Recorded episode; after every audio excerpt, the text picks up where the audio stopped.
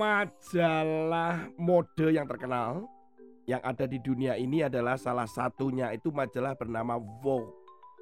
Majalah mode ini adalah majalah terbitan dari Inggris dan diterbitkan itu sampai ke seluruh dunia, termasuk di Indonesia sendiri, Vogue. Dan majalah ini diterbitkan pertama kali pada tahun 1916. Wah, lama juga ya. Baru-baru ini, perusahaan atau penerbit majalah Vogue tiba-tiba melayangkan surat kepada seorang yang bernama Mark Graham. Mark Graham ini pemilik daripada sebuah tempat makan yang lokasinya berada di wilayah pedesaan Vogue, daerah Cornwall, sekitar 400 km barat daya London, Inggris.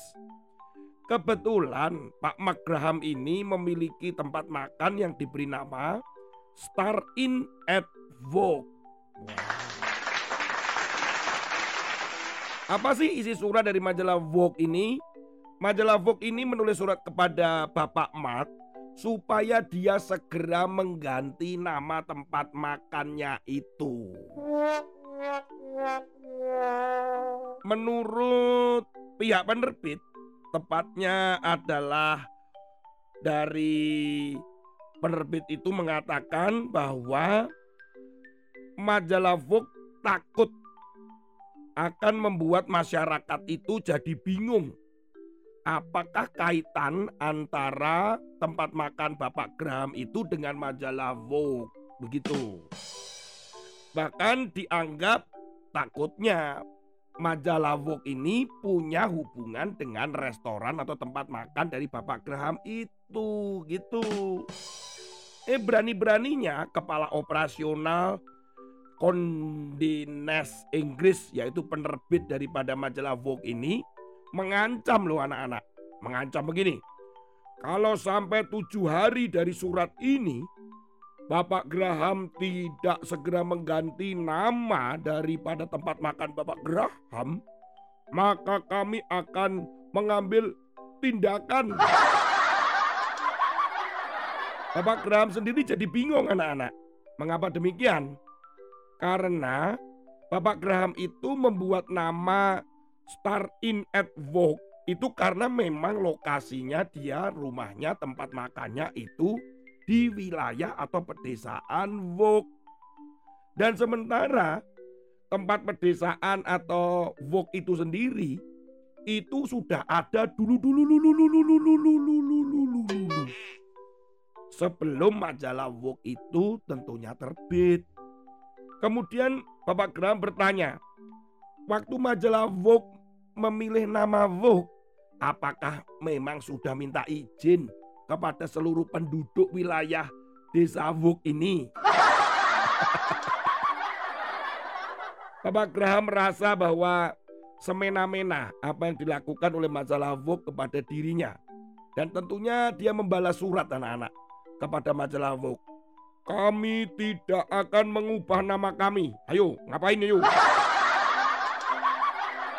Ya mengubah nama tidak mudah Apalagi nama yang sudah restoran itu sudah juga lama berdiri anak-anak Mengubah-ngubah ah, Memangnya siapa itu majalah Vogue Itu sih menurut Pak Magraham Oke anak-anak firman Tuhan hari ini diambil dalam Amsal pasal 21 ayat yang pertama Hati raja seperti batang air di dalam tangan Tuhan dialirkannya ke mana ia ingini. Artinya seorang raja itu bisa dikendalikan oleh tangan Tuhan. Woi. Yang ketawa. Itu tangan Tuhan itu begitu sangat kuasa. Gitu loh maksudnya. Saking kuasanya seorang pemimpin yang jahat pun mungkin. Atau semena-mena begitu. Tuhan itu bisa mengubah hatinya. Mungkin nama rajanya tidak bisa diganti, tapi hatinya bisa diganti. Diubah. Yang jahat bisa menjadi baik. Yang pemarah bisa menjadi lembut.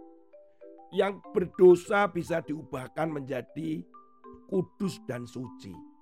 Semua itu bisa diubah, nggak perlu dipaksa. Tuhan bisa mengubah dengan caranya yang ajaib.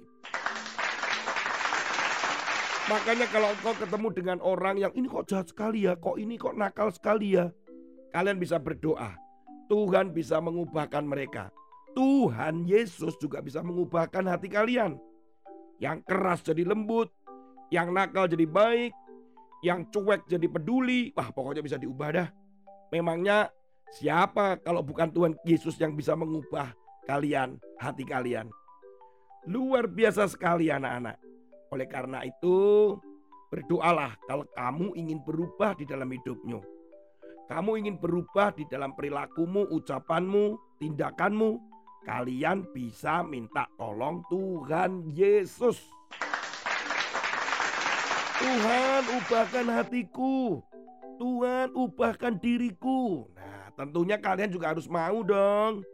Tuhan bisa ubahkan tapi kalau kalian gak mau Ya, sama juga bohong. Tentunya harus ada kemauan, maka Tuhan bisa mengubahkan. Manusia sulit mengubah orang lain, manusia yang lain. Tapi Tuhan tahu isi hati dan bisa mengubahkan hati.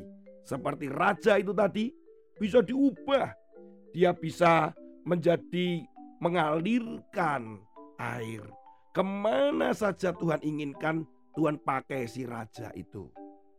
Tuhan Yesus memberkati kalian dan tetaplah berdoa. Berubah bukan karena kalian dipaksa, tapi berubah karena memang Tuhan yang mau supaya kalian menjadi anak-anak dan muridnya yang setia, yang rajin dan sejati. Amin.